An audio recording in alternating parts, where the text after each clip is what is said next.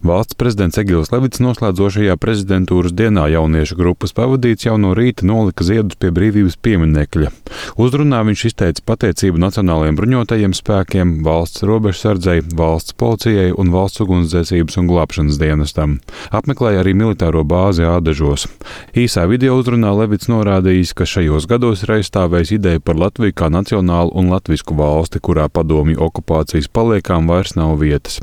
Iestājies par valsts valodu, par izglītību latviešu valodā, latvisko mantojumu vēsturiskajās zemēs. Par galveno aspektu savā prezidentūrā viņš izcēlis valsts drošības jautājumus. Es esmu iestājies par NATO pienākumu aizstāvēt katru Latvijas zemes centimetru, par stingru atbalstu Ukrainai, par starptautisku tribunālu Krievijas noziegumu Ukrainā izmeklēšanai lai no soda neizbēg ne pavēļu devēji, ne izpildītāji. Valsts prezidents centies izmantot savu amata pilnvaras, lai panāktu NATO austrumu flanga aizsardzības nostiprināšanu. Salīdzinot ar laiku pirms četriem gadiem, Krievijas apdraudējums mūsu valstī ir audzis, taču Latvijas drošība pieaugusi līdz ar NATO aizsardzības koncepcijas maiņu.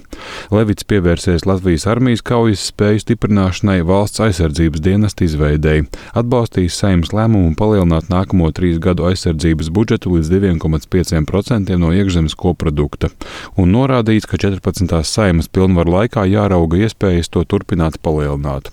Citās jomās Levita redzamākais veikums saistāms ar vēsturisko zemju likumu, tajā veicinot sēlīs kā atsevišķa kultūra vēsturiska novada statusu. Administratīvu teritoriālo reformu viņš apstiprināja ar norādi, ka šī reforma ir nepieciešama, taču ar labojumiem.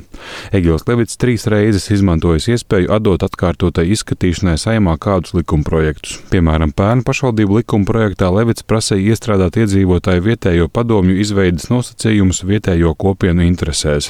Tieši Levits arī rosināja būtiski palielināt valsts finansējumu politiskajām partijām. Partijas KPVLV izčākstēšanas gadījums gan lika valsts prezidentam labot partiju finansēšanas likumu, samazinot finansējumu partijām, ja to saimas frakcijas būtiski sarūk. Prezidentūras sākumā Levits ļāvās radošai izpausmei, publiskajās runās piedāvājot dažādus jaunvārdus, kā likteņkopība, valsts griba, turpinātība un citus. Plašu uzmanību izpelnījušies arī atsevišķi prezidenta prātojumi. Piemēram, intervijā Latvijas televīzijas redzījumā šodienas jautājums motivējot netikties ar cilvēkiem Covid pandēmijas laikā. Vislielākā motivācija, protams, ir nesaslimt un sliktākā gadījumā nenomirt. Tie cilvēki, kuri ir nomiruši no Covid, tiem, protams, šiem Ziemassvētkiem arī nebūs. Levits bieži uzstājies dažādās konferencēs un pats tās arī rīkojas par inovāciju, zinātnes, izglītības un citiem jautājumiem. Aizējošais prezidents uzskata, ka šo četru gadu laikā Latvija kļuvusi latviskāka, nostiprināta valsts valodas nozīme, tajā skaitā ar pakāpenisku pāreju uz mācībām tikai latviešu valodā. Par šīm izpausmes iespējām viņš ir pateicīgs. Es pateicos Latvijas tautai par man doto iespēju četrus gadus kalpot Latvijai valsts prezidenta amatā. Es pateicos maniem domu biedriem, kolēģiem un atbalstītājiem. Es pateicos maniem kritiķiem. Arī turpmāk strādāšu Latvijas labā, kā atbildīgs savas valsts pilsonis un kā brīvs cilvēks. Tomēr četru prezidentūras gadu laikā Levita reitings sasniedzis vēsturiski zemākos rādītājus kopš valsts neatkarības atjaunošanas.